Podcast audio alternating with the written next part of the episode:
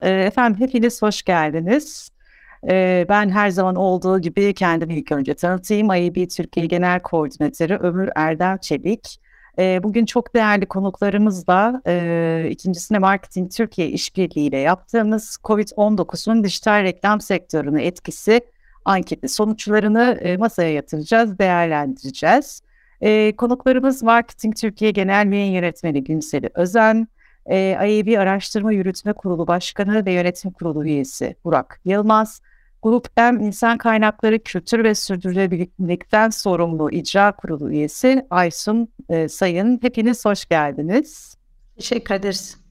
Ee, çok e, değerli bir sohbet olacağından eminim. Şimdiden çok heyecanlıyım. Hem elimizde önemli veriler var hem de önemli görüşlerle beraber geleceği de öngörüleri de birlikte hepsini değerlendireceğimiz bir sohbet olacak.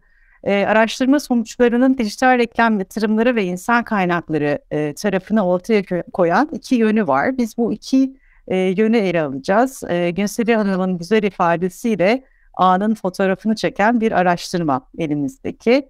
E, buradan yeniden e, teşekkür etmek isterim Günsel Alın Marketing Türkiye İşbirliği ve destekleriniz için. E, umarım e, devamı da gelir, sürdürülebilir bir e, elimizde e, veri seti oluşur, devam ettiririz bu araştırmamızı. Memnun oluruz. e, ilk önce dilerseniz e, elimizde ne var bilgi olarak, hangi anın fotoğrafını çektik? E, Burak sözü sana vereyim e, ve araştırma sonuçlarımızdan e, hem birincisinden hem ikincisinden e, ne sonuçlar elde ettiğimizle ilgili sözü sana bırakayım. Tabii hay hay memnuniyetle. Ee, artık herhalde sektör olarak veya herhangi bir insan olarak e, Covid-19 araştırmalarından oldukça bık, bıkmış bir e, dünyadayız. E, önümüze her gün onlarca farklı araştırma geliyor. Özellikle hastaların kendisiyle alakalı. Ben biraz daha mikro düzeye inmeyi istedik ve gerçekten de çok ciddi anlamda ilgi uyandırdığını sektörümüz anlamında fark ettik. Çünkü bu araştırma içerisinde özellikle amaçladığımız şey e, dijital sektör çalışanlarının COVID-19 nedeniyle çalışma koşullarında, şirketlerinde, piyasa şartlarında, e, gelecekteki e, durumlarıyla ilgili e, soruları sorduk ve gerçekten e, bence çok doyurucu cevaplar aldık. E, yaklaşık e, 139 e, katılımcının e, desteğiyle gerçekleştirdik e, araştırmayı. Bunun içerisinde medya ajansları, reklam verenler, yayıncılar, başta olmak üzere e, birçok katılım gerçekleşti. E, ve araştırmanın sonuçlarına baktığımızda da bildiğiniz gibi bir daha öncesinde Mayıs'ın içerisinde ilk araştırmamızı yapmıştık. Bu COVID'in en sert yaşandığı, pandeminin en sert yaşandığı, özellikle evlere çekildiğimiz, dışarıya çıkmadığımız bir dönemdeydi. Daha karamsar bir dönemdi. Daha öncesinde pandemi yaşamamış insanlar olarak en azından kendi adıma söyleyeyim. Gelecek kaygılarının bence biraz daha fazla olduğu bir dönemdi. Fakat ona rağmen yine de bence gayet güzel sonuçlar çıkmıştı. Bununla birlikte Eylül ayında araştırmanın ikincisini gerçekleştirdik. Ve bu defa da hem gelecekle ilgili sorular sorduk hem de daha öncesinde sorduğumuz ikinci dönemde neler bekliyorsun sorularının ne kadarının realize olduğunu, ne kadarının olmadığını, düşündükleri kadar iyi veya kötü mü yoksa daha iyi veya daha kötü mü olduğunu sonuçlarını da almış olduk. Bu bakımdan da gayet e, keyifli bir e, anket e, yayınlanmış oldu. Şimdi rakamlara baktığımızda bence dikkate değer konulardan bir tanesi özellikle ilk ankette Nisan-Mayıs-Haziran dönemine ilişkin dijital reklam yatırımlarının değişip değişmeyeceğini sormuştuk. Çok daha karamsar bir şey vardı. %60 kadar e, düşeceğini düşünüyordu. E, %10'u da değişmeyecek diyordu. Fakat %25'i de artar diyordu. Fakat gerçekle e, karşılaştığımızda durum korkulan kadar kötü olmadığını gördük. %41'lik bir düşüş yaşanmış yine. Ama beklentinin %60'a kıyasen düşündüğümüzde oldukça altında. E, ve fakat aynı anda %40 kadar da arttığını e, görüyoruz. E, ankete katılanlar arasında. Ee, bir diğer bence ölüm, e, olumlu konulardan bir tanesi de şu. 1 Haziran sonrasında normalleşme sürecinin şirketlerin faaliyetlerini nasıl etkilediğini sormuştuk. Ee, ve %30'a yakını hiç etkilenmediğini söyledi.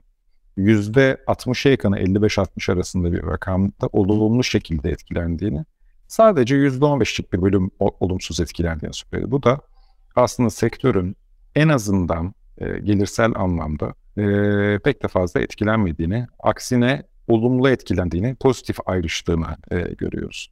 E, şayet diğer dikeylere bakarsak gazete, outdoor, e, sinema, aynı şekilde radyo, e, buralardaki düşüşleri göz önüne aldığımızda aslında bu krizi dijital fırsata çevirmiş gibi görünüyor.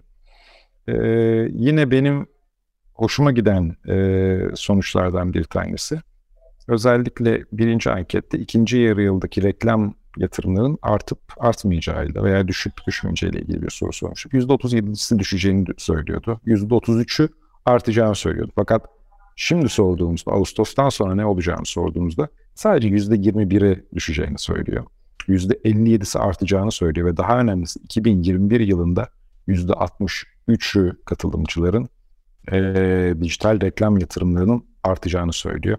Sadece ve sadece %10'luk bir bölüm düşeceğine inanıyor. Birazdan sanıyorum e, sözü aynı şekilde Aysun Hanım'a vereceğiz. Onun da tarafına bir pas atmak için de hemen e, bir bilgi vereyim. E, bunu kendi şirketi tarafından da perspektifinden de hem de profesyonel olarak nasıl değerlendiriyor çok merak ediyorum. Görece insan kaynakları anlamında da daha az etkilenmiş gibi görünüyor. İlk ankette işe alımlar paralel rakamları olduğu için hatta direkt ikinci anketten ilerleyeyim. İşe alımlar %47'de durmuş. Yarısı işe alımları durdurmuş. %28'i yol, yemek veya ticket ödemelerinden en az bir tanesine kesintiye gitmiş. E, yol da bunu dahil olduğu düşünülürse ben hala optimistim burada. Zorunlu yıllık izin kullanımı e, %37'lerde görünüyor. E, yüksek bir oranda çıkmış. Ücretsiz izin %15.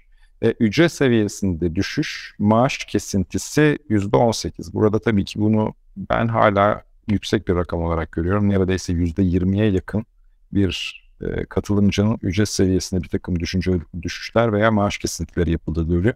Ve ilginç bir şekilde ilk e, ankette bu %5 seviyesindeydi. Burada endişe verici bir artış var sadece. E, ve işten çıkartma oranı sadece %4. İlk ankette de %5'ti. Demek ki zaten bir takım regülasyonlar, yasalardan dolayı işten çıkartmak da çok e, kolay değil. E, aynı yerlerde kalmış gibi görünüyor. Fakat geleceğe baktığımızda ise işe alımların yine aynı şekilde duru duracağını düşünen bir üçte birlik çoğunluk e, bölüm var. E, maaş kesintisi bekleyen yüzde on var. Hiçbir şey yapılmaz diyen yüzde elli bir var. Yüzde on dörtte işten çıkarılacağını düşünüyor. E, işten çıkarma olacağını düşünüyor daha doğrusu.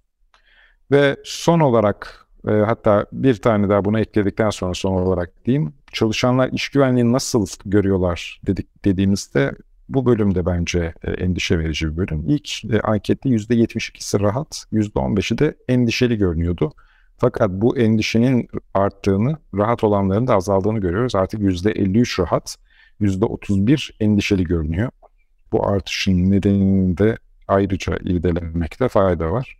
Ve son herkesin sevdiği bence soru burası. Şu anda nasıl çalışıyordunuz ve nasıl bir çalışma düzeni istiyorsunuz sorusu. Mayıs ayında zaten e, karantina olduğu için %94 evden çalışıyordu. Şimdi biraz daha normal düzene geçildiğini gördüğümüz andan itibaren %37'si evde, %31'i dönüşümlü, hibrit bir modelli, %30'u da ofiste çalışıyor. Bu %30 rakamının da ben büyük oranda reklam veren tarafından geldiğini düşünüyorum. Çünkü ajansların ve mecraların önemli bir bölümü, yüzdesi olarak bundan daha küçük bir bölümü ofiste çalışıyor. Daha büyük bir bölümü evde çalışıyor benim bildiğim kadarıyla. Ve bunun nasıl olmasını isterseniz sorusuna baktığımızda da e, %60 hibrit istiyor. %24 evde çalışmak istiyor. %17 de ofiste e, devam etmek istiyor. Burada evle ofis bir yer değiştirmiş gibi görünüyor. Bir önceki e, ankette çünkü %26 ofis derken %18 ev diyordu. Şimdi %24 ev deyip %17 ofis diyor.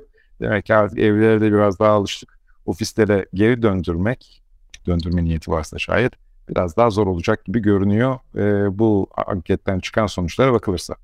Çok teşekkürler Burak. Ee, gerçekten. Bir soru sorabilir miyim? Yani o gazetecilik damarı götürüyor. Baykarson'u size verecektim Günsel Hanım. Buyurun. Hiç bırakmam ortada sözü. Ee, şimdi e, reklam yaratıcılığı deyince daha doğrusu creativity'nin bütününe baktığınız zaman e, ekibin e, varlığından ondan e, tetiklenir ve aksiyon alır. Şimdi evlerde çalışmaya başlayınca bu nasıl oldu acaba? Buna ilişkin bir görüş var mı? Geliyor mu size? Çünkü tetiklenmiyor artık eskisi kadar. Her an tetiklenme ihtimali vardı. Şey demişti bir e, bu sosyal medya dönemi jürisinin e, ne yaparken e, bütün jüri üyelerine nasıl yapalım bunu offline mi yapalım online mi dediğimde ekipten e, ne ayrıştıracak e, iyilerle e, iyi olmayanlar arasındakini diyeyim yanlış bir şey de söylemek istemem. Şey demişlerdi kreativite bundan sonra pure pure kreativite e, iyileri diğerlerinden ayıracak. Çünkü o tetiklenme olmayacak. Böyle bir bir şey var mı yani size ulaşan yani yaratıcılık daha azaldı yok arttı daha iyiyiz e, diyorlar mı? Var mı böyle bir şey? Burak siz... E, Soru bana mıydı bu arada özellikle? E, yani hani daha çok söyleyebilecek... Yani, okay. Şöyle, yani kendi kişisel deneyim üzerinden gidebilirim. Ee, bence e, evlere nasıl geçtik sorusuna e, özellikle de cevap vermek isterim. E, belki de daha öncesinde geçmemiz gerekiyor Gülgün Selam. E, fakat insanların e, alışkanlıkların değiştirmesinin çok kolay olmadığını düşünüyorum. Şirketler de keza değiştiremiyorlar. E, yıllar içerisinde artık o takım elbiselerden, kravatlardan kurtulduk. Biz biraz daha şortlu çocuklar olarak görüyorlardı bundan 10-15 sene öncesine kadar. E, ve hepimiz e, saygının sadece kıyafetlerde olmadığını kanıtladık. İş yapış şekillerimiz değişti, izin e, şekillerimiz değişti, e, takip şekillerimiz değişti. Dolayısıyla sadece belki şeyin farkına varamamıştık. Bu iş evden de olabilirin farkına varamamıştık. Belki de biz var, varmıştık da bazı daha gelenekselleşmiş yerler e, varamamıştı. Bir gün acil bir toplantımda yırtık pantolon varken üzerine çok üst düzey ve çok sevdiğim bir bankada görevli e, birisini ziyaret etmem gerekti ve o anda unuttuğum için e, fark ettim. Üzerimde yırtık pantolon var, bir tişört var. Genelde biliyorsunuz bankalarda ne kadar yukarıya üst kata çıkarsanız o kadar e, şeye e, gelirsiniz. Yani Tanrı huzuruna yaklaşırsınız. E, gittim yırtık yırtık pantolonlar da çok da beni sevdiği için sağ olsun şey karşı kusura bakmayın dedim. Hani böyle geldim çünkü unuttuğum için olur mu öyle şeyler? Yani ben burada değiştirmek istediğim şey bu. Fakat ben bunu bu bankada değiştiremem dedim. Her şeyin böyle olmasını istiyorum. Fakat ne yazık ki biz bunu burada yapamıyoruz. E, çünkü alışılmış kalıplar var dedi. Pandemi aslında bir anda disrupt edip bizim bir takım şeyleri görmemizi sağladı. E, aynı şekilde bunu ben performans takibi tarafı için de söylüyorum. Çalışma şeklimiz için de aynısı oldu. Artık elimizde çok fazla tool var. İnsanlar e, sadece masanın başında e, çalışarak, size güler yüz göstererek, çalışıyor gibi görünerek aslında iyi çalıştıklarını kanıtlamıyorlar. Artık rakamsal dataların aktığı birçok e, takip e, tool'uyla görebildiğimiz bir yapıda çalışıyorlar. Evet, creativity kesinlikle önemli. Evet, karşılıklı anlayış çok önemli. İşi sahiplenme çok önemli. Bunun yanında da bir takım e, teknolojik e, nimetlerden faydalanarak karşılıklı olarak takibinin yapılması çok değerli. Bana soruyorsanız birçok anlamda avantaj getirdi bizim iş yapma modellerimize evet. bu mecburiyet. Ben yanıtımı aldım. Teşekkür ederim. Çok teşekkürler Gülsel Hanım. Size şimdi sözü bırakıyorum demiştim. Hemen de sorumu sorayım isterseniz. Gerçi biliyorsunuz ama e, bu araştırmayı ikincisini beraber yaptık sizinle işbirliğinizde. Siz de zaten verilere çok hakimsiniz. Hem sizin tabirinizle fotoğraf e, olarak çekmiş olduğumuz ana değerlendirmenizi hem de gelecekle ilgili öngörülerinizi almak isteriz. Peki aslında sondan başa bakıyoruz. Yani şu anda geldiğimiz yerden e, hem geriye bakıyoruz ama daha çok ileriye bakalım hep beraber. Çünkü e, araştırmaların şöyle bir faydası vardır ki ben hani pazarlamanın ve pazarlama iletişiminin alfabesinin e, harfler değil rakamlar olduğuna inanırım. Ve marketing Türkiye'de çok e, yani pazarlamayı ve pazarlama iletişimini çok ciddi bulur. Matematik üstüne oturturum. Bu anlamda da bu araştırmanın bir parçası olmaktan, sektöre katma değer yaratmaktan olağanüstü mutluyum. Umarım bunlar devam eder. İki tane fotoğrafımız var. Bir tanesi Mart-Mayıs arasını, diğeri de Ağustos-Eylül arasını e, ölçen bize bir şey söylüyor her ikisi de. Oraya bakarak bundan sonrasına ilişkin neler söyleyebiliriz konusunda biraz fikir cümlastiği yapmak gerekti. Ben biraz e, oraya baktım. Şimdi e, nereye bakalım? E, anın fotoğrafını çektik ama e, anlar önemlidir. Bir kerteris noktasıdır. e, ve bize benchmark yapma fırsatı verir. E, şimdi bundan sonra ne olacak ama nerede ne olacak diye de bir ayrım yaparak ilerleyelim isterseniz. Bir biz mecramızı soruyoruz. Yani e, dijital medya e, yatırımlarını nasıl etkileyecek diye soruyoruz. O zaman bir mecralara bakmak lazım. Yani sadece kendi dijitaline bakmak değil, diğer mecralarda neler olduğuna bakıp bunun yansımasının dijitale nasıl olacağını düşünmek lazım. Bunun üstünde bir miktar akıl yormak gerekiyor. E, mecralar değişiyorsa o zaman tüketici davranışlarına bakmış olmamız lazım. Aradığımız, ulaşmak istediğimiz tüketiciler de mecraları nasıl tüketiyor ya da nerede ne yapıyor? Sadece mecra da değil. Hayatı külliyen değişti.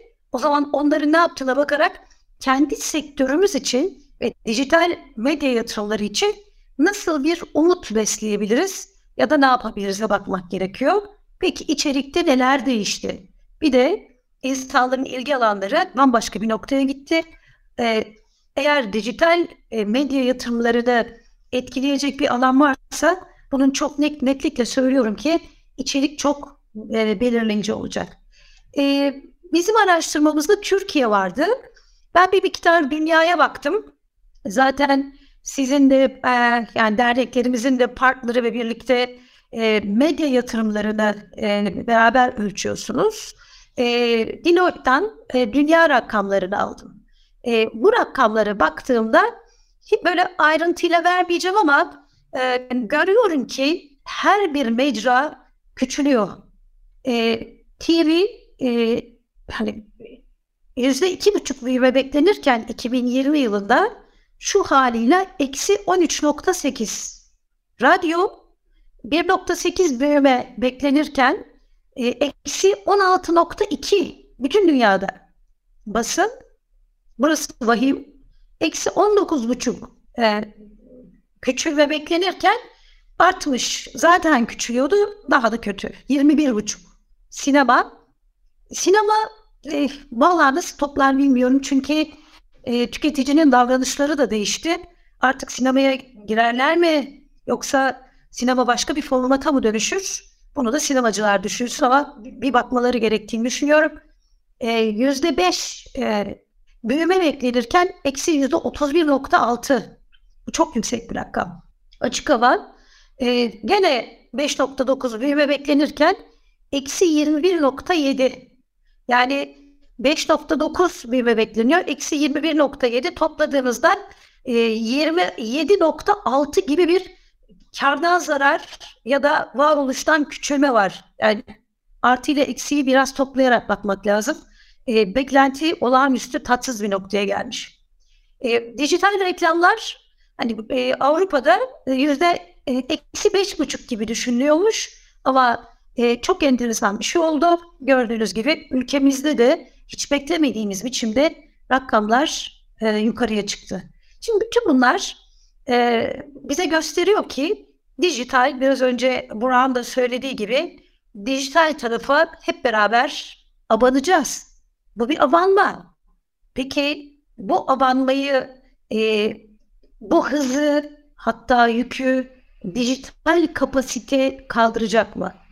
Belki e, bu sorunun yanıtını bize Aysun verecek. Yetişmiş insan kaynağı sorunumuz var. E, buna hazır değildik. E, dolayısıyla e, bu kapasiteyi nasıl karşılayacağız? Yetişmemiş insan kaynağıyla ne kadar hakkını verebileceğiz? Ya da e, hizmet verdiğimiz reklam verenin olayın bir parçası onların beklentilerine nasıl karşılayacağız? Dolayısıyla acaba e, buna hazırlık mı yapsak? Burada hem fırsat var hem de bu yükü e, nasıl kaldıracak diye e, açıkçası düşünmeden edemiyorum. E, neden edemiyorum? E, bir kişi günde ortalama yeni bir rakam bu. 6 saat 43 dakikasını internette geçiriyor. Ve bunun 2 saat 24 dakikası e, sosyal medyada. Son bir yılda pandemide 300 milyon kişi daha internet kullanmaya başlamış. Dolayısıyla dünyadaki internet kullanıcısı sayısı 4,5 milyara ulaşmış. Şimdi tamam dijitale kayıyoruz. Bu rakamlar güzel. Fırsat var ama Bunu nasıl kaldıracağız? Bunu nasıl sindireceğiz? Bunu nasıl ete kemiğe büründürüp endüstrileştireceğiz diye de bakıyor olmak lazım. Türkiye'de 62 milyon kullanıcımız var ve 3 nokta dünyadaki sosyal medya kullanıcısı da e, 3.8 milyara çıkmış. Bizde 54 milyon. Hiç fena değil. 81-82 milyon, 54 milyon internette. Abanıyoruz, dijitale abanıyoruz. Oradan yürüyeceğiz. Muhtemelen şu anda bütün reklam verenler ajanslarına dijitalde yapılacak işlerle ilgili bir perspektif oluşturmaya çalışıyor. Böyle baktığımız zaman bütün bunlar güzel ama mutlaka e, söylenmesi gerekli olan bir şey daha var. E, internet var e, ama karbon salınımı da var. E, bu e, 600 milyon ton e, dijitaldeki kullandığımız süre e, karbon salınımına neden oluyor. Hani abanıyoruz tamam oradan yürüyelim ama bir miktarda dünyayı kirletiyor dijital. Baktığınız zaman küresel karbon salınımının yüzde dördü de bu dijital dünyayı kullanmaktan e, geliyor. Şimdi e, sosyal medyaya geliyoruz. Hani bakıldığı zaman e, tüketici nasıl değişti? Orada neler yaptı? E, izledik filmi Social Dilemma. E, bilmediğimiz şeyler değil yani benim bilmediğim çok fazla bir şey yoktu orada ama be, benim için öyle ve şu anda ekrandaki sizler için öyle. Ama herkes bu kadar bilmiyordu. Oraya dön orayı izleyip sonra gelip bana neler oluyor diye e, soranlar var. Böyle baktığımızda e, sosyal medya hem safe değil hem de saf değil. O zaman bu noktada kimi nasıl koruyacağız, neler yapacağımız konusuna da bir miktar e, bakıyor olmamız lazım. Peki tamam bütün bunları, bütün kaygılarımızı ortaya koyduk. E, safe değil, saf değil ama tüketici de ne değişti ve biz onlara e, bakarak acaba kendi alanımızda medya yatırımlarında e, nelere e, dikkat etmeli ve oralardan e, yürümeliyiz. Şimdi e, bankalar arası kredi kartları merkezin açıkladığı bir rakam var. E, hiç bankayla ilişkisi olmayan insanların bankayla ve kredi kartıyla yani ilişkisi oldu. E, bu rakamın e, 5 milyon olduğunu yazdığım andan itibaren artmaya başlamıştır. Yani şu anda bir şey konuşuyoruz. içerik konuşuyoruz, cihaz konuşuyoruz. E, app konuşuyoruz, software konuşuyoruz ama bambaşka şeyler oluyor. Ya bu sabah okuduğum bir şeyi söyleyeyim. Bu sabah basın bültenine düştü. E, Messenger, Messenger'la e, Instagram'ın birbirinin içine geçerek Facebook tarafından ortaya konulan ve iletişimi farklı formatlara taşıyan yeni bir yazılım daha e, şu anda kullanıma sunulmuş vaziyette. Peki nerede diye soruyorum e, dijital ajanslara. İnsanlar diyor ki e, bizden istenen şey medya planlama ajansları bunlar. İnsanlar Insta, Instagram'da ve Facebook'ta. Yani sosyal medya olağanüstü hızlı gidiyor. Nereden geldik buraya? E, kredi kartı olan insanlar bu mecralardan satın almaya başlayacaklar. Ve gerçekten e, dünyanın en büyük e, satın alma pazar yeri olarak gözüküyor bu saydığım iki tane mecra. Yükselen mecralar var, TikTok var. E, ben biliyorum ki çok ciddi markalar buraya e, bütçeler e, yatırıyorlar. E, 18 Nisan'da e, Türkiye'deki TikTok ajanslarından bir tanesiyle webinar yapmışız. Çünkü görmüştük Nisan 18. Bugün daha hani TikTok yükseliyor falan deniyor. Onu görüp yaptığımızda e, burası büyüyor. Burası büyüyecek çünkü işte toplumun e, yüzde 55'inin nabzını tutuyor doğrudan C segmentini ve geride kalan yüzde 42'lik D evrenin de burada olduğunu biliyoruz. Yani yüzde 97 zaten burada. Yüzde 3 yoktu ama buradaki fırsatları görünce A ve B segmenti onlar da buraya gelmeye başladı. Yani tüketimimiz, sosyal medya tüketimimiz de yukarıya doğru çıktı. Neler oldu? O kadar çok şey oldu ki hala dediğim gibi değişmeye devam ediyor. E, fast food e, dükkanları kapandı, kapalı yerlere girmez olduk. Herkes sokaklara attı kendini. E, bütün bunların her bir tanesinin e, aslında e, mecra kullanımı anlamında da farklılıklar yarattığını biliyoruz. Evde oturmaya başlayınca mobil daha önce mobil kullanırdık. Sokaklarda, oturduğumuz yerde, her yerde e, desktoplar artmaya başladı. Şimdi ben Marketing Türkiye'nin e, analitik sayfasına girince, Google analitiğine girince görüyorum ki desktop kullanıcıları olağanüstü artmış. Yani mobilden kullanım ve izlenim giderek azalıyor. O zaman biz e, bütün içeriklerimizi geçmişte bir süre mobile göre e, tasarlayacaktık. Ama desktop hayatımıza girdiyse yeni baştan hayatın bu noktasına bakacağız. Hatta bir ara hatırlarsınız konuşuluyordu. Yani elimizdeki ekranın büyüklüğüne uyacak ve süresine uyacak e, dizi filmler yapılmaya başlanmıştı. Muhtemelen onlar hala yapılacak ve mobile bir miktar döneceğiz. Onun krallığını yıkmak çok mümkün değil. Ama desktop'ta eski itibarını yeniden kazanmaya başlayacak. Uzaktan erişim, e, her şey uzaktan erişim muhteşem ama eğitim değil. Dolayısıyla e, biz e, her şeyi belki uzaktan e, yapabileceğiz ama eğitim konusu hala bir e, yürek acısı olarak kenarda duruyor. Çünkü etkileşimi olmayan alanlar e, başka bir e, formata dönüyor ve öğrenim azalıyor. Bugün e, söylemekte beis görmüyorum. Nasıl olsa biz bizeyiz. Zoom'un e, bir sınır formatında yaptığı e, yazılımı gördüm. Bilmiyorum siz de gördünüz mü? Evet, ben de Paylaşmaya başladılar. Evet yani e, çocukların kendilerini bir miktar iyi hissedeceklerini e, düşünüyor. Ancak hala online'da yapılan e, eğitimlerin çok manalı olmadığını, e, bu alanda yapılması gerekli olanların çoğaldığını e, görüyorum. Yani burada eğitime çok daha fazla e, değinmek gerektiği e, söylenebilir. Peki e, ne tükettik bu arada? Tükettiklerimize bakalım. Şimdi Think with Google diye bir e, paylaşım alanı var. Çok da güzel şeyler paylaşıyorlar ama tabii sahibi olduğu YouTube'un e, promosyonunu da yapmayı atlamıyor bu alan. Sürekli e, YouTube e, videolarının e, hangi formatta nasıl izlendiği konusunda e, rakamlar veriyor ve sizi oraya yönlendiriyor. E, bizi de yönlendiriyor mecra olarak baktığınız zaman. E, iletişimcileri de oraya yönlendiriyor ve dönüyoruz. Belki biraz sonra buna bunun içinde bir şey söyleyeceksiniz. E, hep beraber videoya e, ve dijitaldeki bu e, do yourself e, videolarına e, döndüğümüzü ve onları izlediğimizi söyleyecekler. E, şunu da biliyorum, hemen bu arada devreye girerek onu da söylemekte fayda var. Biz sıkılan canlılarız, homo, sap homo sapiensler olarak. E, bir şeyi çok uzun süre yapmaktan sıkılıyoruz. E, dolayısıyla e, muhtemelen belki paylaşırsınız, ekmek yapmaktan falan vazgeçtik. E, pasta börek yapmaktan vazgeçtik. Pizza yapmaktan vazgeçtik.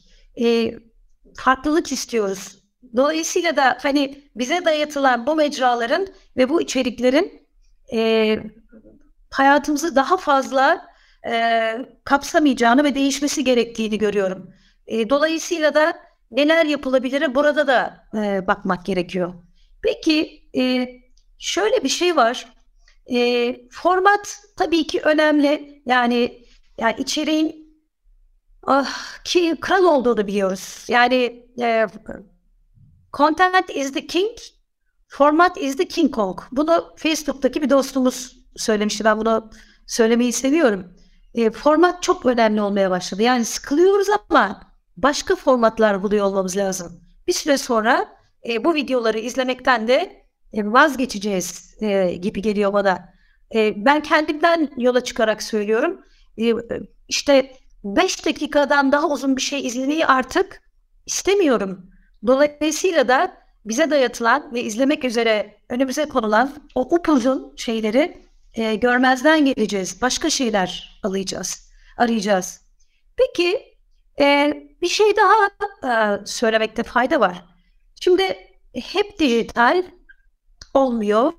E, bir araya gelemiyoruz. E, etkinliklerimizi yapamıyoruz ya da konvansiyonel mecrayı izlemekten imtina ediyoruz. Geriye düşüyor. Ne yapacağız sorusunu kendi kendime soruyorum ben de. Şimdi bakıldığı zaman işte Marketing Türkiye hem offline hem online her ikisi içinde içerik üretiyoruz, üretmek zorundayız. Hiç birbirine benzemiyor. Fıtratları eski dille söyleyeyim, huyları hiç birbirine benzemiyor online'ın ve offline'ın. Burada başka bir şey söylemek durumundasınız. Burada başka bir şey söylemek durumundasınız. Yeni Marketing Türkiye olarak etkinlikler yapıyoruz. Biz bunları alayla valayla buluşarak yapardık. Ee, birbirimizi görürdük, hasret giderirdik, network yapardık, dedikodu yapardık. Bunu yapamıyoruz. Peki ne yapacağız? Yapacağımız şeyler bundan sonra bütün boyutuyla hibrite dönecek. Her ikisini de birbirinin içerisine geçirerek gerçekleştirmek durumundayız. Yeni bir kavram gelişti. Mutlaka duymuşsunuzdur. Digital. Hem fizikseline hem bu işin e, dijitalini yaparak ilerleyeceğiz. Şu var, e, içinde bulunduğumuz dönemde e, inanılmaz bir e, değişim var. Değişimin odağında teknoloji var. E, biraz önce Burak'ın da söylediği gibi e, zaten biz buralara gelmek durumundaydık. E, kaç sene öne çekildi bilmiyorum. Bazıları 3-5 yıl diyor ama e, hızlı geldik. Sindiriyor olmamız lazım. Bu dönem hem fırsatların olduğu hem de iyi anlaşılmadığı takdirde kayıpların olabileceği bir dönem. Böyle bakıldığında da e, hem derneğimize hem e, sizin aracılığınızla e, bizim gibi mecralara e, içerik üretmek, yol göstermek ve anlatmak üzere görevler düşüyor. E, biz e, sizin bulunduğunuz her yerde var olmak ve destek vermek üzere hazırız. Çok teşekkür ederiz Günsel Hanım. Ee, yani o kadar seri konuştunuz ki arada söyleyeceğim birkaç şey vardı. Hadi söyle. Hiç bölmek istemedim. Bilmiyorum Burak eklemek ister mi orada? Sadece e, bu yatırımlarla ilgili dünya rakamlarını da paylaştınız. Çok teşekkürler. E, bu e, medya e, yatırımları araştırmasında e, dijital tarafında e, Burak bizim araştırma yürütme kurulu başkanımız olarak e, büyük emek verdi. E, orada şu notu ben paylaşmak isterim. Belki Burak e, sen devam ettirirsin. E, biz e, dijitalin e, yükselişini şöyle yorumluyoruz hep. E, kendi içimizde de böyle e, konumluyoruz. E, ve tüm mecraların sağlıklı bir şekilde büyümesi adına aslında bunu söylüyoruz. E, basının e, tek başına hani konvansiyonel tarafta aşağıya inmesi tüm dünyada olduğu gibi aşağıya inmesi aslında basının ürettiği içeriğin de gideceği ve basının e, bir şekilde değer ve e, oransal olarak e, yatırım kaybedeceği anlamına da gelmiyor. Sonuçta bunların hepsi evriliyor. E, çünkü biz e, Covid zamanında da biliyoruz ki yaptığımız bütün araştırmalarda ve e, gelen sonuçlarda sizler de biliyorsunuzdur.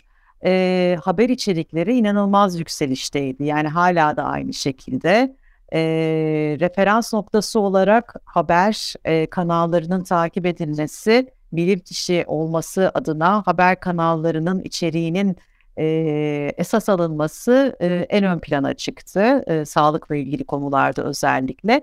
Dolayısıyla burada bir e, format ve teknik e, evrilme söz konusu. E, fakat e, yayıncılık anlamında diyelim e, aslında e, hiçbir şey değişmiyor. Aynı şekilde e, devam ediyor ve o şekilde de e, devam edecek. Sağlıklı büyümesi adına biz e, dernek olarak zaten dijitalin e, verebileceği tüm desteği vermek adına buradayız e, yayıncı üyelerimizle de beraber. Bilmiyorum Burak burada eklemek istediğin şeyler var mı? Çok da fazla artık süre almak istemiyorum. Aysun'un olmada bir e, şeye girmek istiyorum zaman. Hani zaten biz biraz e, aldık siz elimize herhalde şey yapıyoruz. Ben e, çok şey yaptım. Hemen hızlıdan toparlayacak olursak çok paralel bu arada Günsel Hanım. Türkiye'deki rakamlarda. Türkiye'de e, işte TV %4.95 civarında bir büyüme gerçekleştiriyor. Onun haricinde dijital ve e, televizyon haricinde e, çok ciddi kayıplar var. Sinemada işte %54, basında %37, açık havada %27, radyoda %17 gibi kayıplar var. Ama e, evet şu doğru bazıları eşyanın tabiatı geri küçülüyor. E, basın küçülmek zorundaydı çünkü e, content her zaman content ve content her zaman çok değerli. Sadece content'i distribute ettiğiniz kanallar değişiyor. Eskiden haberi veya diğer içerikleri e, gazete yoluyla ulaştırabiliyordunuz. Şimdi aynı içeriği, aynı yazar, aynı e, kontenti yaratan kişi başka kanallarla gönderiyor. Dolayısıyla burada değişen sadece kağıttan başka bir şey geçirmesi. Yoksa hani basın ölmüyor, e, basıncılık ölmüyor. Sadece kağıt e, ölüyor, e, kağıt değişiyor, başka bir tarafa doğru evriliyor. E, dolayısıyla hani bu değişimler e, hani mecraların azalması veya artması e, şeklinde bakarken bir miktar gözle bakılması konusunda ben de hemfikirim e, ömürlü. E, hani siz de söylediğiniz content her zaman contenttir. E, her zaman bunun dağıtım şekli de contentin şekli de değişecektir. Bugün hayatımızda TikTok diye bir şey var, bir gerçek var. Farklı bir contentten bahsediyoruz ve e, inanılmaz bir erişime sahip. Yarın bir gün e, hiç tahminimiz olmayan başka bir content veya contentler ve farklı dağıtım kanalları üzerinden yine e, tüketiciyle buluşmaya devam edecek. Evet, ben artık mutlak sessizliği Tamam. alıyorum. Ben de gireceğim. Hemen Arş Kullanım'a vereceğim sözü. Çok Tabii bir, bir, bir şey söyleyeyim. Tabii. Ondan sonra e, biz e, Nisan sayısıyla e, online'a geçtik. E, ta ki Eylül'e kadar. E, çünkü dergimizi göndereceğimiz hiçbir ajans yok. E, yay sat bayilere öyle diyeyim işte Turkuazlar ya da Dünya oraya gidip dergi alan yok. E, ama ne yaptık? Dergimizi yaptık sanki basacakmış gibi ve Türkiye'yi açtık. Herkesin okumasını açtık. İçerik farklıydı. Dediğim gibi online ve offline birbirinden farklı özellikleri ve huylara sahip. Ama e, bu dönemde de e, bilgi ulaştırmaya gayret ettik. Ben biliyorum ki e, offline tarafı güç kaybedecek. Online tarafı e, büyüyecek. içerik her zaman içerik. Bu kadar. Buyurun.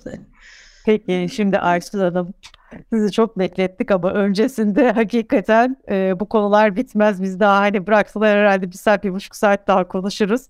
Şimdi araştırmanın e, diğer e, önemli ayağı insan kaynakları e, ve çalışanların verdiği cevaplar e, ve COVID'in e, öncelikli olarak dijital sektör çalışanları ve dijital sektör çalışma ortamları ve de tüm e, sistem anlamında nasıl etkilediği konusunda görüşlerinizi almak e, ve gelecekle ilgili de beklentileriniz ya da öngörüleriniz varsa bunları da sizden dinlemek isteriz. E, araştırma sonuçlarımızı Burak paylaşmıştı. Sizde de var sonuçlar. E, bir takım tahminler, tahminlerde de bir takım saptamalar var. E, bununla ilgili üzerine mutlaka sizin söyleyeceğiniz değerli noktalar olacaktır. Hemen susuyorum, sözü size veriyorum. Ha, teşekkür ederim. Aslında bir sürü şeyden bahsedildi. Dolayısıyla hangisine dokunacağımdan çok benim bilgi var. Ee, hem Gülsey Hanım'a hem Burak Bey'e hem de size referans vererek hepsini bir araya almaya çalışayım. Rakamları tekrar etmeye gerek yok. Zaten rapora herkes ulaşabilir durumda web üzerinden. Ee, bir tanesi ne olacak? Bu digital yeteneklerin e, yetiştirilmesi ve e, geliştirilmesi sorusu vardı. Ee, biz 99'dan beri Türkiye'nin genç nüfusunun e, gelecek için bir fırsat penceresi olduğunu iddia eden bir ülkeyiz. E, ne yazık ki o fırsat penceresini hiç açamadık. Dolayısıyla eğitimimizin erişilebilir ve kaliteli e, olması bir gün iş gücü piyasalarının dönüşümüne ayak uydurabiliyor olması ve gereksinimlerini karşılaması noktasında zaten çok geride kaldık. Pandemi dönemi sadece Türkiye'de değil, tüm dünyada e, en önemli ve en uzun e, soluklu hasarı burada verdi diye görüyorum. E, dolayısıyla herkes kendi e, çözümünü üretecek. Yani şirketlerde aslında kendi insan kaynağı e, dönüşümünü ya da mevcut bulunduğu yerden bir sonraki adıma e, yetkinlik bazında ya da bilgi birikimi bazında geliştirilmesi için kendi araçlarını geliştirecek. Yani burada ben yakın gelecekte e, bize e, bir çareyi e, ülkede görmüyorum. E, o yüzden onlar da bizim bir sorumluluğumuz. Yani kendi insan kaynağımızın eğitim ve gelişimine e, yatırım yapmak e, veya yakın gelecekte azalacak, daralacak meslek gruplarını icra eden arkadaşları e, işsizliğe mahkum etmemek adına da dijital transformasyon süreçlerini desteklemekle ilgili bence işverenin çok önemli bir sorumluluğu var. E, ve hani bununla ilgili bir dizi araştırma Türk Konfet TÜSİAD İLO tarafından yapılıyor. E, dolayısıyla hani paydaşlarla bir araya geldiğinizde de e, kendi çözümünüzü geliştiriyorsunuz ya da çözüm geliştirilmiş e, ortak akılların e, çıktılarına bakıyorsunuz da hani şu anda e, mevcutta yakın gelecekte e, bizim üniversitelerimiz ihtiyaç duyduğumuz insan kaynaklarını bize temin edecekler gibi görmüyorum ben. Ve de tabii ki e, havuz ne kadar dar olursa e, bu havuzun içerisinden insanların sizi seçmesi gerekir. O zaman da e, siz seçen olmuyorsunuz işveren olarak. Bu tür yeteneklerin sizi seçmesini sağlamaya yönelik kendi çalışma ortamınızdan, çalışma koşullarınıza kadar bir şey düşünmek e, ve çalışan için tercih edilen bir işveren olmak durumundasınız. E, bunun da bir sürü parametresi var. Yani bu yetenekler niye bende çalışmak istesin ki? Bu yeteneklerin çok önemli bir kısmı bu dönemde ve önce zaten Avrupa'ya doğru bir kaçış içerisindeydi. Ücret politikaları bunu belirliyor. Hani zaten geldiği itibariyle kurlarla savaşamayacağımız kadar geride kaldığımız için e, hani bu insanlara geri gel demek için o insanların özel nedenlerinin olması gerekiyor. E, bir bu var. İkincisi hani siz buraya yatırım yaptıkça e, ve oradaki insan kaynağının sayısını arttırdıkça, yetkinliklerini arttırdıkça e, birazcık daha hani karşılıklı eşitler masasına oturuyor olabilirsiniz ama hani şu anda bu yetenekler dediğimiz insanlar bugün bende yarın sizde birbirimize alıp verdiğimiz bir sistem içerisindeyiz. Çok hızlı bir şekilde aslında o genç yetenekleri henüz istediğiniz e, yetkinlik seviyesinde değilse bile alacaksınız ve kendi içerinizde yetiştirmeyi bir borç olarak göreceksiniz ve kendi işinizin geleceğine yatırımı ve kendi işinizin geleceğini kurtarmak başka bir e, çözümü ben henüz burada göremiyorum. Yani en azından bu topraklarda göremiyorum. Bunu bir kenara koyalım. Ee, biz bu döneme nasıl girdik? Yani birazcık araştırma sonuçlarındaki değişimin kendisini de anlamak lazım. Biraz insan psikolojisi, biraz toplum bilimiyle ilgili. Ee, bir kere çok hızlı bir şekilde girdik değil mi? Yani birdenbire bir pandemi e, en azından benim içinde bulunduğum grup 18 Mart itibariyle uzaktan çalışmaya geçti ve 17 Mart'ta test yaptı. 18 Mart'ta artık ofisleri kapatıyoruz dedi. Bir o, o, o süreci çok hızlı yaptı. Böyle bir e, keskin kılıç olmasaydı karşımızda bir süre daha şey düşünüyor olurdu. Yani kullandığımız bir takım altyapılar var. Uzaktan bağlanmak çok da yavaş oluyor. Çalışanlar da bunu tercih etmiyor. Bir takım yöneticilerine de sorsanız uzaktan da çalışılır mı? Gözetim ve denetim altında çalışmak verimi arttırır gibi bir sürü şey duyabilirdiniz. Dolayısıyla hani e, bir bu dönemin klişesi Sion'un yapamadığını Covid yaptı, dijital dönüşümü hızlandırdı. Evet öyle oldu. Yani mecburiyeti sizin davranışınızı çok hızlı değiştirdi. Arkasından tutumlarınız gelmeye başladı. Yani daha doğrusu mecbur kaldınız. Eve gittiniz ve teknolojiye uyumlu uzaktan işlerin tamamını görebilir halde kendi yetkinliklerinizi geliştirmek zorunda kaldınız. Peki biz bu kararı verirken bir tek bir şey düşünmüştük. Çalışan sağlığı ve güven. Yani çalışanları pandemiye karşı korumak, işveren olası riskleri minimuma indirmek ile bu kararı çok hızlı aldı. Neleri düşünmemiştik? Uzaktan çalışma dediğimiz şeyin kendisinde bir dakika insanlar evine gidiyor ama nasıl bir çalışma ortamı nasıl? Yani ben burada bir masa, bir ergonomik sandalye ya da bir çalışma ortamı sunuyorum ama hani o kimlerle yaşıyor? Öyle bir çalışma düzeni var mı? E çocuklar da eve döndü, okullar kapandı, bakıcılar çekildi. Yani evdeki o ebeveyn sorumlulukları ya da bakım, bakım almak zorunda kalan e, bireylerin sorumlulukları ne olacak? Ya da e, tek bir ebeveyninize hani tek başına bir süreçle karşı karşıya kalıyor. İş var, ev var. Yani özel alan, kamusal alan ortadan kalktı. Biz bu sınırları baştan koyamadık. Mesai saati diye bir kavramı gelişte sürekli eriş, erişilebilir. Nasıl olsa evdesin hafta sonu zaten çıkış yasağı var. Her zaman erişilebilir bir hale geldi. Şimdi bunun ilk etapta bir panitle kendimizi koruma duygusuyla ve de aslında hani verilen mesajda şu rüya verecek ve bitecek yaz gelecek ve bu virüs ya da dayanıklı olmayan bir virüs. Dolayısıyla biz bunu atlatacağız. Şimdi ne kadar hızlı tedbir alırsak o kadar hızlı bir şekilde rahata ereceğiz. Mesaj da buydu. E, siyasi iradenin koyduğu netlik de buydu. Dolayısıyla buna uyum sağlamak hepimiz için bir sorumlulukla hayata geldi. Sonra yaz oldu.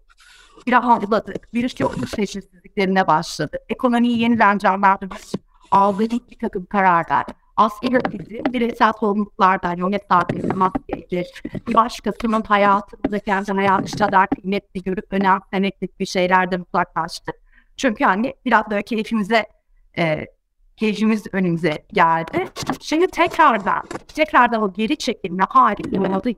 Yani dolayısıyla bu biraz aldığımız mesaj, bunun belirsizliği, sürenin ne kadar daha uzayacağı ile ilgili net bir bilginin gelmiyor olması insanlar e, evet hep beraber hareket edeceğiz ve yeneceğiz ve e, mücadele edeceğiz ya da işveren açısından düşünün. İşimizde dört elle sarılacağız. Ne kadar gelir kaybı olursa olsun biz bu süreçten güçlenerek çıkacağız. Müşterilerimizi çok mutlu edeceğiz, dijitaldeki yatırımlarını arttıracağız motivasyonunda dayanıklılık düştü. Yani çalışan bir süre sonra o belirsizlik ortamı içerisinde, o koşulların içerisinde dayanıklılığınız düşünüyor, düşüyor, çevikliğiniz düşüyor. Yani biri hayatın yani başta duyduğumuz haberler şimdi ailenizin içerisinden çıkmaya başladı. Yani psikolojik iyilik hali bozulmaya başlıyor. Şimdi bizim bir diğer hazırlıksız olduğumuz şey ise uzaktan çalışanı motive etmek, şirket bağlılığını sağlamak, performansını yönetmek, ya da neye ihtiyacı olduğunu anlamaktır. Çünkü yüz yüze iletişimin iyi bir tarafı vardır. Minik bir jest okursunuz. Bırak iyi mi bugünü tahmin edersiniz. Bazen de geri basarsınız. Ya bir çok iyi hissetmiyor galiba. Ya da çok iyi görünmüyor galiba. Ben bu söyleyeceğimi fark edeyim. Yarın da söylerim diyebilirsiniz. Çünkü dijital dünyada biz bunları çok anlamıyoruz. Bazı çalışma ortamı koşullarından dolayı videosunu açamayan arkadaşlarım var. Yani ne halde olduğunu görmediğiniz zaman selamsız sabahsız işlere de başlayabiliyorsunuz. Ya da bir süre sonra her şey o kadar bilgisayar ekranında ki hep yavru da bilgisayarda yapmak istediğinizde yeter artık bu ekrana bakmak istemiyorum. Bu dünyadan nefret ettim diye çalışanlarımız da oluyor çünkü siz de aynı sürecin bir parçasısınız. Dolayısıyla planlamadığımız, hazır olmadığımız, mental olarak hazır olmadığımız şey ise bu süreç içerisinde o sosyal benim, sosyal yani insanın sosyal tarafında nasıl besleyeceğimizi de bilmiyoruz. E, ve yani zaman içerisinde bu tür yani içi iletişimin bu kadar önemli olduğu bir dönemi yaşadık. Hiçbir zaman için ya İK'nın X koludur, kurumsal iletişimin e, işte uzmanının işidir falan dediğimiz şey birdenbire aslında çalışan ve şirket arasındaki en önemli fonksiyona dönüştü. Bunu nasıl daha iyi yaparız da kafalar şimdi bu dönem yorulmaya başladı. Dolayısıyla şimdi şey hani güvenin daha yüksek olduğu ama giderek arttı. Çünkü belirsizliği yaşayacağınız süre uzuyor. Bitti zannedeceğiniz şey uzuyor. Yani biz bunu hep beraber binecek, binecektik. Şimdi ise bilmiyoruz. Bu süreç ne kadar daha uzar, ne zaman tekrar daha eve çekiliriz. Bir de bir taraftan hani acı içiyle bakıyorduk o rakamlara. Her gün o rakamlara bakınca hani Gülsel Hanım doğrular o şey gibidir. Hani bir süre sonra insan ölümleri istatistiğe dönüşür. O, o orada bir insan öldü. Bir insan hayattan gitti. Dolayısıyla bir süre sonra artık o ekran yeşil ekran, her akşam televizyonda baktığımız ekran değişen istatistiklere dönüşmeye başladı ve bunların esprileri dönmeye başladı. Yani bunun doların ve euronun e, şeyi hızlı karşılaştırmada espriye dönüştü. Hani bu da artık hani hayatta kalma e, esprisi değil, bayağı bunu normalleştirdiğimiz, yok saydığımız ya da yok sarmayı tercih ettiğimiz bir akla doğru geldi. Şimdi dönelim iş ortamlarına, çalışma ortamlarına. Evet, e, çalışan bir kere kendini güvende hissetmek istiyor. Yani işvereni ne bekliyor derse bir kere güvende hissetmek. Evet yani bir o sosyal tarafının beslenemiyor olması ya da takımın içerisinde hani yaratıcılık da aslında bir beslenmeli olan bir şeydir ya. Yani siz hep aynı şeye maruz kalırsınız. Yaratıcılığınız da o derecede e, daralır. Yani o birbirimizle beslediğimiz süreçlerin azaldığını kabul edelim. Yaratıcılığı ya da yenilikçiliği uzaktan hayatı idame ettirme tarafında geliştirdiğini, geliştiğini görüyoruz. Yani hangi teknolojiler kendileri nasıl büyüttüler ona da tanıklık ediyoruz. Ama bir taraftan da sınır, sınırlayıcı bir tarafı da var içinde yaşadığımız şeyin. İnsanların çevikliği, yaratıcılığı, dayanıklılığı, iyilik halinin, fiziksel ve psikolojik iyilik halinin zarar gördüğü ve en önemlisinde de aslında bu dayanıklılık meselesiyle çalışanın e, bu süreci nasıl yaşadığını bilmek ve ona göre e, yöneticilerin yani insanla ilgili olan herkesi çünkü insanlar yönet, insan kaynağı insan kaynaklarının işi değildir yani bu her bir yöneticinin sorumluluğudur. Buna göre kendini de e, değiştirmesi ve dönüştürmesi gerekir. Çünkü aslında bir, bir taraftan kendisi de bunun bir parçası. Herhangi birimiz bundan muzdarip olmadık mı? O kaygıları birlikte ben de yaşamadım mı? Ben de çok uzun çalışma saatlerine maruz kaldığım zaman bir dakika benim zamanım neresi dediğim benim de oldu. Dolayısıyla hep beraber yaşadık. Şimdi hep beraber bunu tekrardan nasıl yönetiriz diye bakacağız. Şimdi bu deneyimin kendisi bir taraftan da şunu gösterdi. Ee, bir sürü çalışan açısından ya da işveren açısından aynı ofiste mi döneceğim? Aynı şekilde mi? Aynı e, kalabalık ya da aynı metrekareye aynı insan, aynı cevap açılmayan ofise mi döneceğim? Yani insanlar artık nasıl bir mekanda daha huzur ve güvende ve sağlıklı hissettiğini de konuşmaya başladı. Dolayısıyla işveren eğer ki şöyle bir derdimiz varsa ben bir herkes geri çağıracağım ve 9 aldı çalıştıracağım yine. Gözetim ve denetimin içerisinde giriş çıkışları kontrol edeceğim bir düzene döneceğim diyorsa bu insanların özellikle yeteneklerin geri gelmesi için Wix'lerin nasıl? Ofisin aslında bu tüm bu öğrendiklerimizi e, yenilemiş yani tasarımsal açısından, kullandığı malzemesi açısından, sağlık ve güvenliği açısından yeniden? Bir buna bakması gerekecek. Bence en önemli meseleler bunlar. Bugüne kadar yaptığımız tüm o ofis, ev yatırımların kendisinin ne kadar fecaat olduğunu, açılamayan canlı alanlara insan sokamadığımız e, bu geçtiğimiz 8 ayda tecrübe etmiş bulunuyoruz. Bir diğer bir şey işveren tabii ki bir takım tedbirler almak zorunda kaldı. Bunu da futbol istihdamını korumak için yapıyor. Yani şeyi unutmayalım sonuçta işveren dediğiniz işveren vekillerin, icra kurullarının, yönetim kurullarının da kendi hissedarlarına karşı ya da paydaşlarına karşı bir dizi sorumluluğu var. Gelirim bu kadar düştüğü bir yerde tabii ki insanlar giderlerini yönetmeye çalışıyorlar. Geliri arttırmazsanız gider yönetirsiniz. Yani çok basit, e, basit bir şeyle e, bakış açısıyla. Şimdi burada da e, benim gördüğüm ya da en azından bizim e, yapmaya çalıştığımız şey en son insanımıza dokunalım. Diğer tüm dokunduğumuz alanlarda bir daralma yapalım. İşte kullanmadığımız ofislerimizin meşakarelerini azaltmaktan bir takım harcamaları yok etmeye kadar. Ama tabii ki en, e, günün sonunda şeye de gidiyor yani sizin iş gücü kaybınız yani iş kaybınız varsa iş gücünüzü de azaltmanız gerekecek. Şeyin söylediği doğru, Brad Bey'in söylediği doğru. Yasaklardan dolayı aslında bunu gerçek rakamını görmüyoruz. Çünkü bir sürü çalışan şu anda ya kısa çalışma ödeneğiyle elinde ya ücretsiz izinle elinde ya da işveren hareket edemediği için bu aksiyonu alıyor. Dolayısıyla hani bu yasak bittiği zaman gerçek tabloyu ne, neye dönüştüğünü bunu görüyor olacağız. Ama bir taraftan da e, şey açısından da tehlikeli ve kötü bir şey. Yani işverenin kendi e, yönettiği bir dünyada işsizliğin toplam işsizliğin artması, yoksullaşma, alım gücünün azalmış anlamına gelecek. Ki bu dönem bunu da yaşadık. Yani e, Türk para e, değerinin kayboluyor olması, enflasyonun bu kadar yüksek olması her bir çalışanımızın da alım gücüne etkiledi. Ama o alım gücünü recover edecek bir e, artış fiyatlarımıza yansıtamadık. Yani işte yani marka olsa kendi ürününe ben markaya verdiğim hizmete bunu yansıtamadım. Dolayısıyla bunun acısını hep beraber yaşıyoruz. Şimdi bir son parça var. Onu da yani sadece çalışan ve işveren açısından değil, bu yaşadığımız şeye karşı bir çözüm üretmek. Hukuken elimizde ne araçlar var diye baktığımızda hani oturup onları o metinlerin de o e, yasal dokümanların da kendini yenilemeye ihtiyacı var. Bizim e, uzaktan çalışmayı ya da esnek çalışmayı destekleyecek bir hukuksal altyapımız yok. Aynı şekilde çalışma saati dediğimiz şeyin kendisini nasıl ölçtüğümüzün ötesinde başka bir ölçme birimimiz yok. Ya da mutlaka ıslak imzalı alınması verilmesi gereken tebligatlar var hala işveren ve çalışan arasında. Hani bu hala bir fiziksel mesafe ve evrak alışverişine getiriyor. Dolayısıyla da hukuk da o anlamda, yasal mevduat da o anlamda ve çalışan için ne işveren için kendini e, güncellemiş değil. E, bu dönem bence e, daha fazla konuşa konuşa bu araştırmalardan sıkılmış olsak da durum tespitlerine bakara baka e, herkes e, kendi geleceğiyle hem mekanları açısından hem çalışanları açısından e, daha fazla akıl koyarak tasarlamak zorunda kalacak. E, şimdilik aldığım notlar içerisinde e, şeyim bu. Biraz da fazla olmuş galiba. Teşekkür ederim. Yok hiç fazla olmadı bence. Çok çok teşekkürler. Ee, son derece herkesin merak ettiği konuları e, nasıl değerlendirdiğinizi aslında böyle kesit kesit incelemiş olduk biz yani. Hani bir başladığımız dönemde e, işte Nisan'da yaptık ilk şeyi e, araştırmayı. E, daha sonra Ağustos'ta kesiti inceledik. Siz de bu sürecin insan kaynakları açısından e, ve bütün perspektifleriyle yani yöneticilik, e, ve aynı zamanda çalışan ve aynı zamanda yasal e, durum e, ve mevzuatlar tüm perspektifleriyle ele aldınız.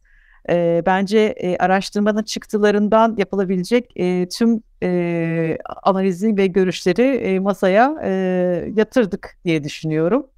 E, bilmiyorum e, Burak ve Günsel Hanım sizin ekleyecekleriniz var mı? Sorulara bakıyorum çünkü sorularınız yok. Sanıyorum çok e, net bir şekilde konuşmuşuz. Herkesin de bu anlamda e, kafalarının net olduğunu düşünüyorum. Ya da henüz belli olmayan bir takım şeyler olduğu için belirsiz bir dönemden geçtiğimiz için e, net olmayan şeyler dolayısıyla da soru sorulmadı.